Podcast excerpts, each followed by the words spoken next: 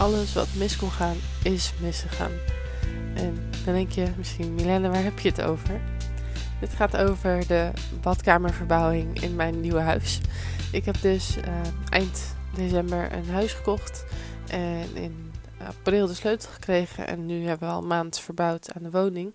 En ik kwam erachter dat ik daar een heel aantal mooie businesslessen uit kan halen die ik graag met je wil delen. Want om je even een inkijkje te geven in de situatie. Er is voor een groot gedeelte misgegaan wat mis kon gaan. Bijvoorbeeld in eerste instantie had ik een mooie badkraan besteld. Die bleek niet geleverd te worden door de leverancier, want zeg het maar, die had hem gewoon niet gemaakt. Hij zat er niet bij. Op de dag van levering belt diegene, joh ik red het niet, het wordt eind mei, begin juni. Precies dit moment waarop de badkamer klaar zou moeten zijn. Dus regel maar last minute een andere kraan. Oké, eh, heel veel gezocht en met moeite een andere kraan uitgezocht die ik minder mooi vond. Die op tijd binnen bleek daarna toch die kraan opeens weer leefbaar te zijn. Maar goed, al betaald, ik ga het niet meer terugsturen. Moeilijk, moeilijk. Dat is niet gedaan. Nou, de verbouwing moest nog beginnen, dus als dat het was, moest het wel goed komen. Want ja, alle andere meubels hadden we gereserveerd en nou, die zouden er wel gewoon bij zitten. Dus de installateur zou beginnen en toen kregen we een berichtje van de badkamerwinkel. Ons badkamermeubel en de kranen waren van een pallet gevallen. Juist die meubels die vanaf dag 1 leverbaar waren, waren nu opeens weer niet voorradig. En wederom 30 dagen levertijd. Nou goed, daar is ook weer alweer deels een oplossing voor gevonden. En de kranen zijn echt last minute afgelopen week nog aangekomen en geïnstalleerd. Dus dat is ook allemaal goed gekomen. Maar ook daar gingen vanuit de winkel weer dingen fout. En ook bij het installeren ging alles niet in één keer goed. De installateur kwam erachter dat het huis toch iets hoger is dan hij verwachtte, dus we konden een paar duizend euro extra neerleggen. En hij ging ervan uit dat we een opbouwkraan hadden voor onze douche, maar we hadden een inbouwdouche met de knoppen boven elkaar in plaats van naast elkaar. Dus in ons net gestukte muurtje moest weer gezaagd worden. En nou ja, al met al is deze man een week langer bezig geweest dan de bedoeling was. En heeft hij daarmee ook wel onze schilder in de weg gelopen, die zijn werk niet volledig kon afmaken en in het weekend terug moest komen. Kijk, het zijn allemaal niet de grootste problemen. Maar als je kijkt hoe binnen die problemen gecommuniceerd wordt, dan is daar in het bedrijfsleven nog echt wel heel veel winst te halen. Want als je bijvoorbeeld kijkt naar de winkel die de spullen niet kon leveren, zelf ervoor heeft gezorgd dat die spullen van een pallet zijn gevallen, dan waren zij niet heel erg coulant tegenover ons. En uh, ze zouden bijvoorbeeld de kranen met spoed proberen te leveren. En uiteindelijk hebben we ze pas gekregen op het moment dat iedere consument die kranen ook zou kunnen krijgen. Dus er zat absoluut geen spoed achter.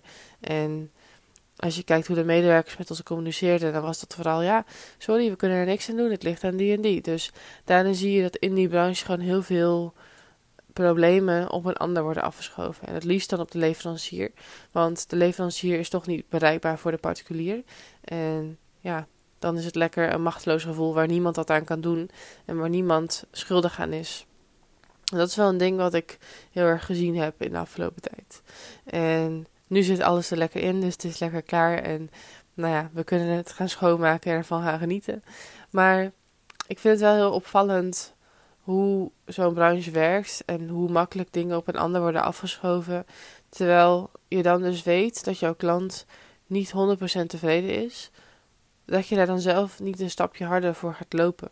Want ik zag bijvoorbeeld een hele duidelijk uh, een heel duidelijk verschil tussen onze installateur en onze schilder. Onze schilder die belde bij iedere vraag die hij had, belde hij naar ons van vind je dit goed, zal ik het zo doen? Ik denk dat dit beter is, wat denk jij daarvan? Die was gewoon heel communicatief sterk en die ging altijd met ons in gesprek om te vragen of wij dingen goed vonden. En ja, die liep net het stapje extra. Um, die ging nog eventjes wat randjes extra afkitten waar we niet om hadden gevraagd. En hij zorgde er gewoon voor dat hij alles netjes achterliet. En hij heeft iedere dag geveegd en het zag eigenlijk altijd netjes uit als hij aan het werk was. We hebben eigenlijk nooit echt problemen met hem gehad.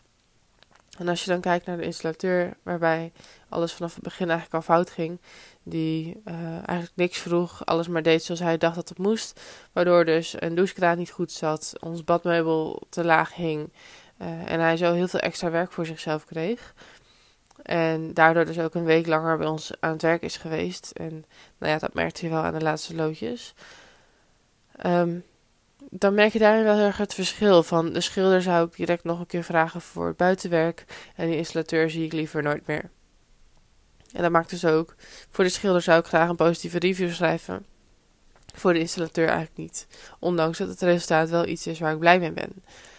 Um, en dat vind ik gewoon heel erg opvallend. Als je dus kijkt naar die schilder, die zou ik direct nog een keer vragen en aanbevelen aan anderen. En die laat dus gewoon zien dat hij dat stapje extra loopt. Maar dat gebeurt gewoon heel weinig in het dagelijks leven. Um, neem als voorbeeld een restaurant. Als je daar gaat zitten, krijg je gewoon de vraag: wat wil je drinken? En ik kom het brengen, alsjeblieft, hier is het. En nou, meer dan dat is het 9 van de 10 keer niet. En soms heb je ook nog een serveerster die er chagrijnig bij kijkt. En weet je, ik snap het, we zijn allemaal mensen en niet iedereen heeft altijd een goede dag. Maar van de week zaten mijn moeder en ik op het terras. En toen vroegen wij aan de serveerster van, goh, eh, heb je nog wat lekkers bij de koffie? En toen zei ze, ja, van alles is er. Maar jullie hebben altijd het karamel walnoottaartje, toch? Uh, nou, hadden we daar net op dat moment geen zin in, maar uh, die namen we inderdaad altijd. En het was voor ons heel bijzonder dat zij dat wist, want wij spraken veel vaker een andere serveerster. En zij had het blijkbaar op, opgepikt dat wij dat taartje vaak namen. En dat schept toch wel een soort van een band, of in elk geval um, waardering voor de ander, dat diegene weet waar jij behoefte aan hebt.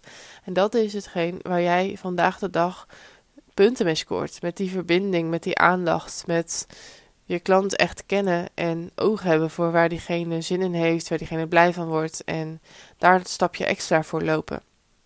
Ik geloof oprecht dat dat zoveel extra doet voor je business. Want dat maakt dat de sfeer goed is. En dat je iemand makkelijker aanbeveelt aan anderen. Maar ook dat je op het moment zelf veel meer bereid bent om het leuk te houden. Om uh, makkelijk te betalen. Om een extra ronde te bestellen. Terwijl je normaal altijd maar één keer bestelt.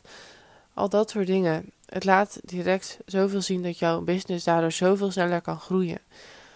Je ziet het ook bij je eigen klanten. Als jouw klanten tevreden zijn, raden ze je aan aan anderen. Als jouw klanten tevreden zijn, schrijven ze graag een goede review over je.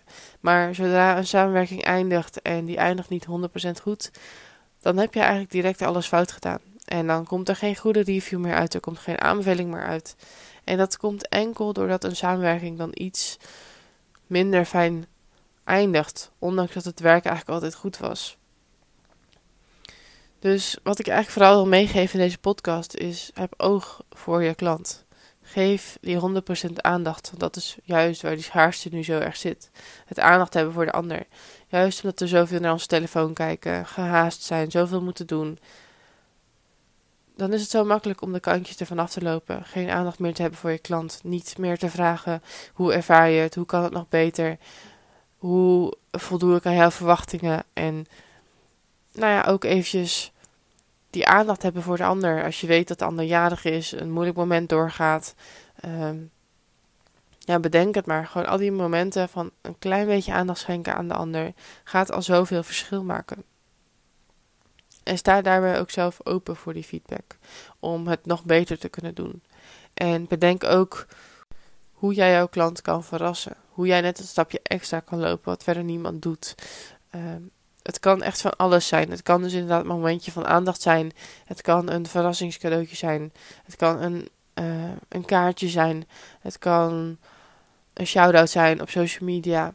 Het kan net even wat extra dienstverlening zijn. Iets wat je normaal er niet gratis bijgeeft, er nu wel gratis bijgeven.